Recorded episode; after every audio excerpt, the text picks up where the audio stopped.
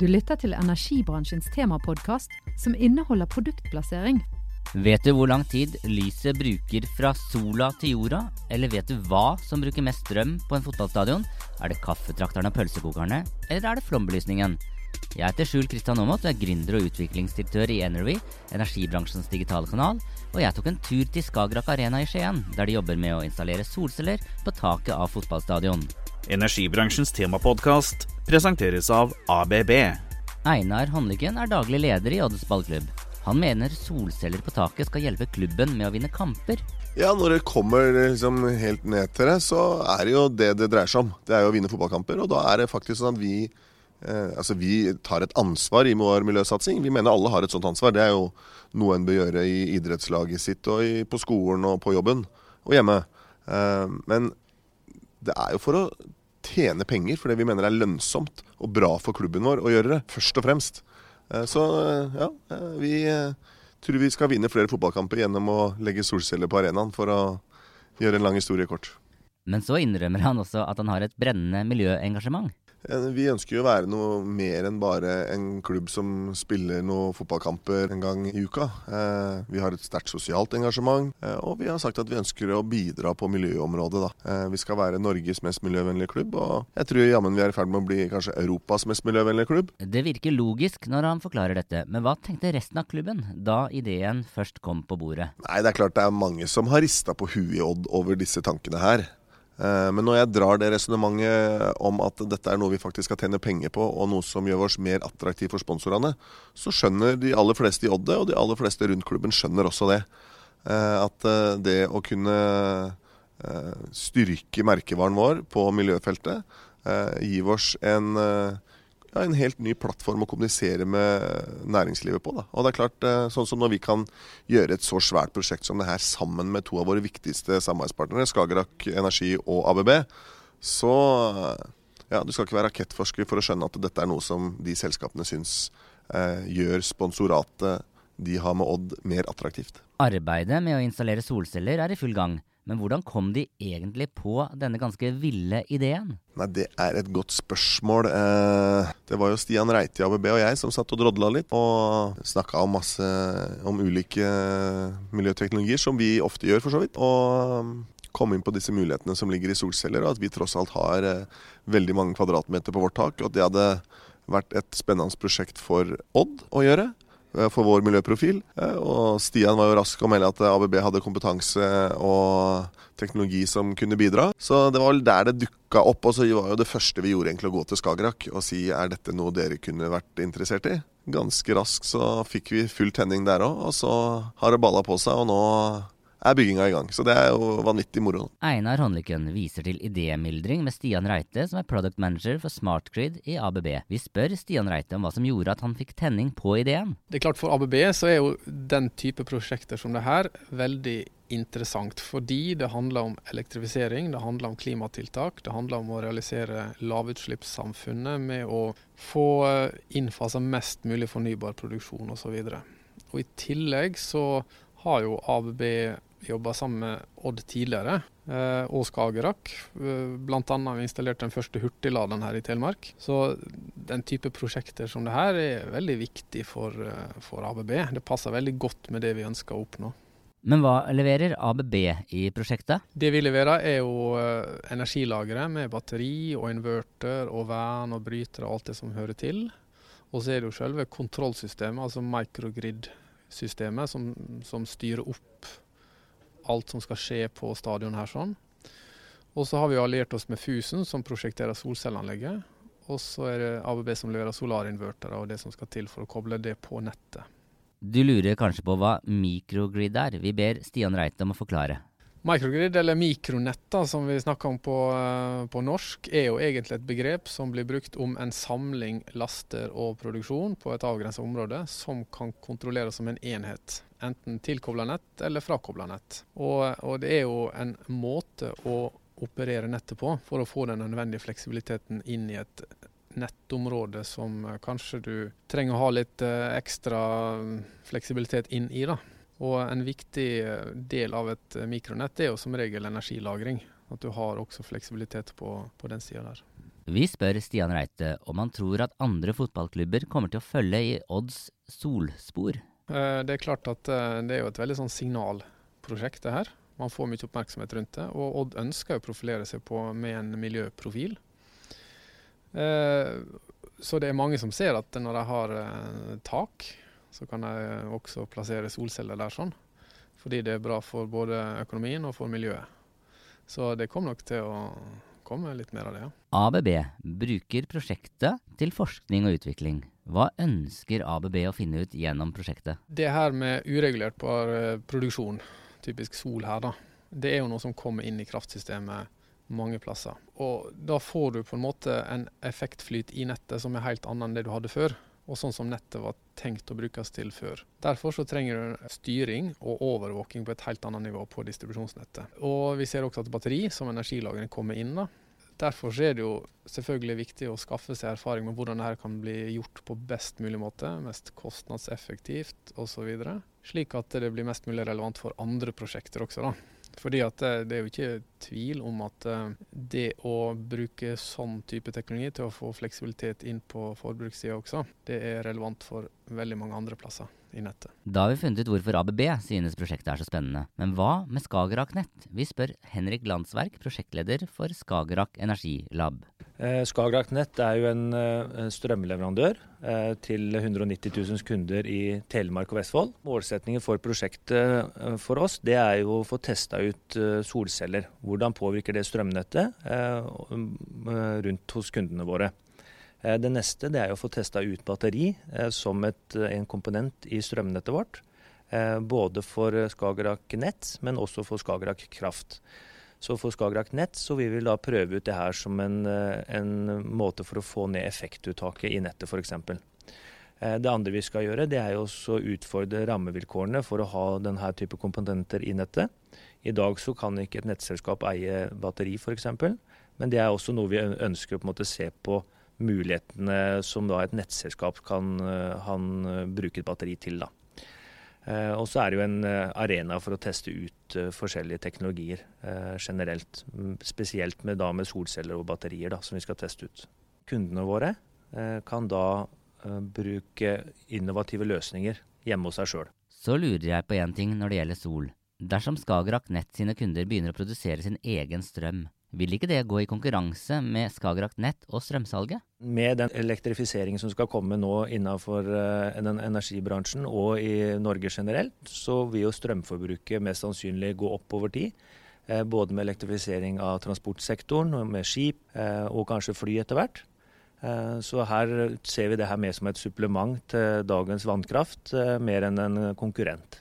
Og vi ser også at det er mange kunder som ønsker å på en måte ha eh, sol på taket sitt, eller solceller. Og da må vi være forberedt på det.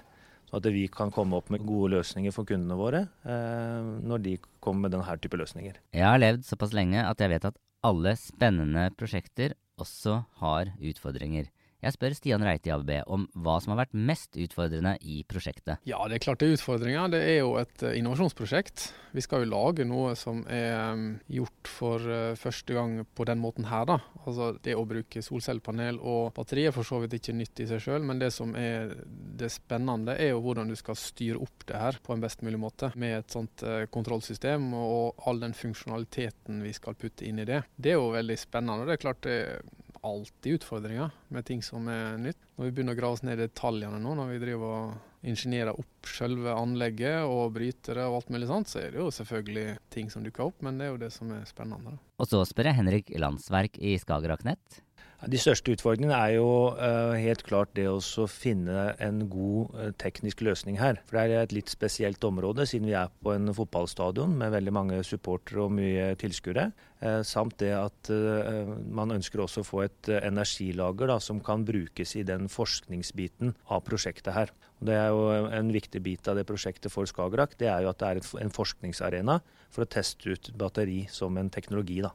Men hvor stort er dette batteriet? Eh, det Batteriet er på 1 megawatt-time, som da tilsvarer ca. 650 000 sånne trippel A-batterier. Eh, eller en sånn 12-13 Tesla eh, av de store Tesla-batteriene. Så det er et ganske stort batteri i norsk sammenheng, eller det er også Norges største, i hvert fall foreløpig.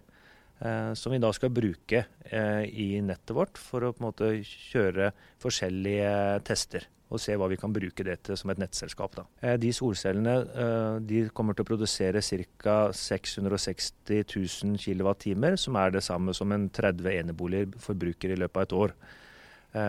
Som vi da kan enten bruke direkte her på stadion, eller så kan vi bruke det til å lade opp det batteriet. da. Som vi da bruker senere igjen til å bruke til kamplysa, f.eks. når det er kamper og TV-sending. Så lurer jeg på et veldig praktisk spørsmål. Hva skjer når solcellene dekkes med snø? Vi har ikke noen plan om å måke de solcellene på vinteren. Så da når det er en del snø oppå det taket på vinteren, så vil det ikke være produksjon i det hele tatt. Men nå er det litt helling på det taket. Og så er de solcellene veldig glatte, sånn at det vil nok blåse av en god del av den snøen. Eh, samt at det er jo på en, måte på en viss høyde her, da. sånn at eh, vi tror ikke det blir sånn kjempestort problem akkurat det her. Men uansett så er jo produksjon på vinterstid pga.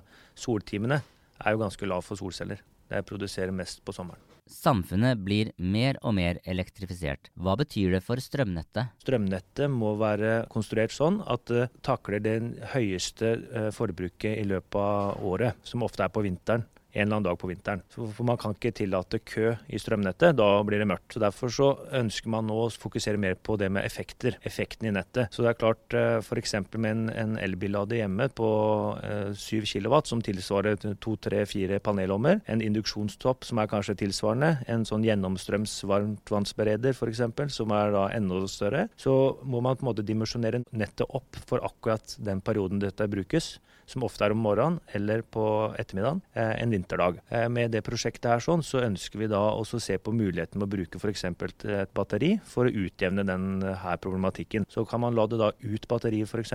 når det da eh, bruker mye effekt her på stadion. Og det er også analogt med hvordan det kunne vært hjemme. Så vi ønsker på en måte å få fokus opp eh, også i befolkningen på at eh, det er da effekten man tar ut av nettet som er eh, det vi ønsker at kunden skal tenke på da, når de da kjøper inn utstyr f.eks. Men lønner lønner det seg for privatpersoner å produsere strømmen selv? Produserer du strømmen sjøl og benytter den sjøl, så er det ganske grei økonomi i det. Eh, hvis man skal sende den ut på nettet, så er det ikke så eh, bra økonomi i det. Produksjon fra solcellen bør man absolutt benytte sjøl, istedenfor å selge den ut på nettet. Hva skal batteriet brukes til på Skagerrak Arena? I hvert fall tre hovedområder her. da. Det er det med, som man kaller for effektutjevning. Det er jo når man setter på kamplysene her, så ønsker vi jo da også redusere det uttaket i nettet. Så da bruker vi batteriet til å jevne ut den, eh, den, eh, effekten. Det andre er jo som sagt det å lagre overskuddsproduksjon. Når produksjonen er mer enn forbruket, så lagrer vi den overskuddsproduksjonen. Eh, og så har vi også eh, aggregater vi kjører opp her hver kamp. Eh, de ønsker vi å ta vekk, og da kan vi bruke da batteriet som en sånn nødstrømsløsning. Eh, for det er da et krav eh, for når man har TV-sendinger, at man skal ha et alternativ til det strømnettet som allerede er der. Så da kan vi bruke det batteriet isteden til det. Og så videre, videre, da så kan man også bruke det batteriet til andre ting. da. Eh, hvis man har et område med veldig høy belastning pga. elbillader og induksjonstopper og sånn, så kan man bruke det batteriet da til å hjelpe til i et nabolag f.eks., sånn at det ikke det blir problematisk i den perioden. da. Vet du forresten hva strømmen brukes til på en fotballarena? Ja, i det området her sånn så har vi et fjernvarmeanlegg også, som brukes til å varme opp gressmattene, både hovedbanen og treningsbanen, som kommer fra Skagerrak Varme. Og så er eh, hovedforbruket her er jo i kampperioder. Da er jo det i all hovedsak eh, da, tro det eller ei, kaffetraktere, eh, pølsekokere og vaffeljern, som bruker ganske mye i alle kioskene. Og så er det da på toppen av det så er det da kamplysa når det er kamp. da. Så kamplyset er en sånn 400 kW ca., som da tilsvarer 200 panelommer. 300-400 kanskje til og med, panelnummer hjemme. Og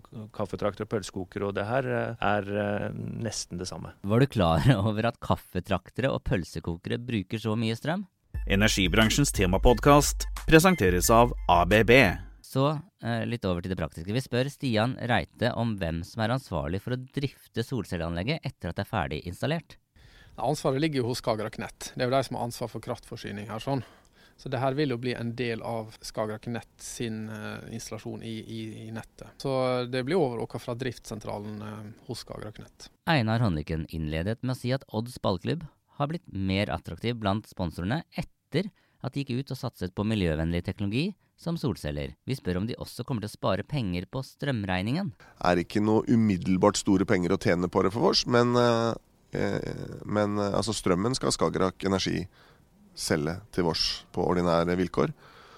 Men eh, vi eh, er helt sikre på at det allikevel vil være et lønnsomt prosjekt på den måten at det gjør oss mer attraktive for alle disse bedriftene der ute i eh, Grenland, Telemark, Norge, som har et miljøengasjement og som ønsker å profilere seg som miljøbedrifter. Så hva er det overordnede målet, hvis vi ser bort fra å vinne fotballkampene? Det overordna målet er jo å bidra til en miljøvennlig utvikling.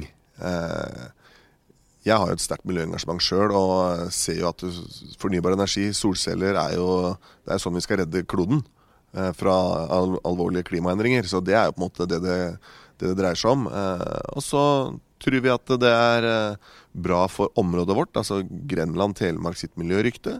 Og så er det bra for klubben eh, i tillegg. Det er lønnsomt. Tilbake til Stian Reite. Var det et krav om å være interessert i fotball for å få lov til å bli med på prosjektet? Eh, nei, det var nok ikke det som var det viktigste, da. Men, eh, men eh, man, eh, ABB er jo en langvarig sponsor av Odd, så det er mange fotballinteresserte i ABB. Altså. Men du har ikke dialekt, skiensdialekt. Hvem holder du med? Nei, jeg har ikke skiensdialekt, men jeg har bodd i Skien her i Eller i hvert fall flytta ut for 30 år siden, så nå er det vel først og fremst Odd jeg holder med i Norge. Må si det. Du må si, si det når du sitter her. Ja, må, det må jeg si. Avslutningsvis spør vi Henrik Landsverk om hvordan det har vært å jobbe med solcelleprosjektet. Det er veldig spennende. Og i den bransjen her nå så er det enorme endringer. Både med elektrifisering av transportsektoren eh, og eh, det som hver husstand gjør hjemme hos seg sjøl. Så her er det veldig mange interessante problemstillinger å ta tak i. Jeg innledet med å spørre om du visste hvor lang tid lyset bruker fra sola til jorda. Ifølge Wikipedia så bruker lyset 8 minutter og 19 sekunder på denne reisen. Så da vet du det. Du har lyttet til energibransjens temapodkast fra NOE, energibransjens digitale kanal.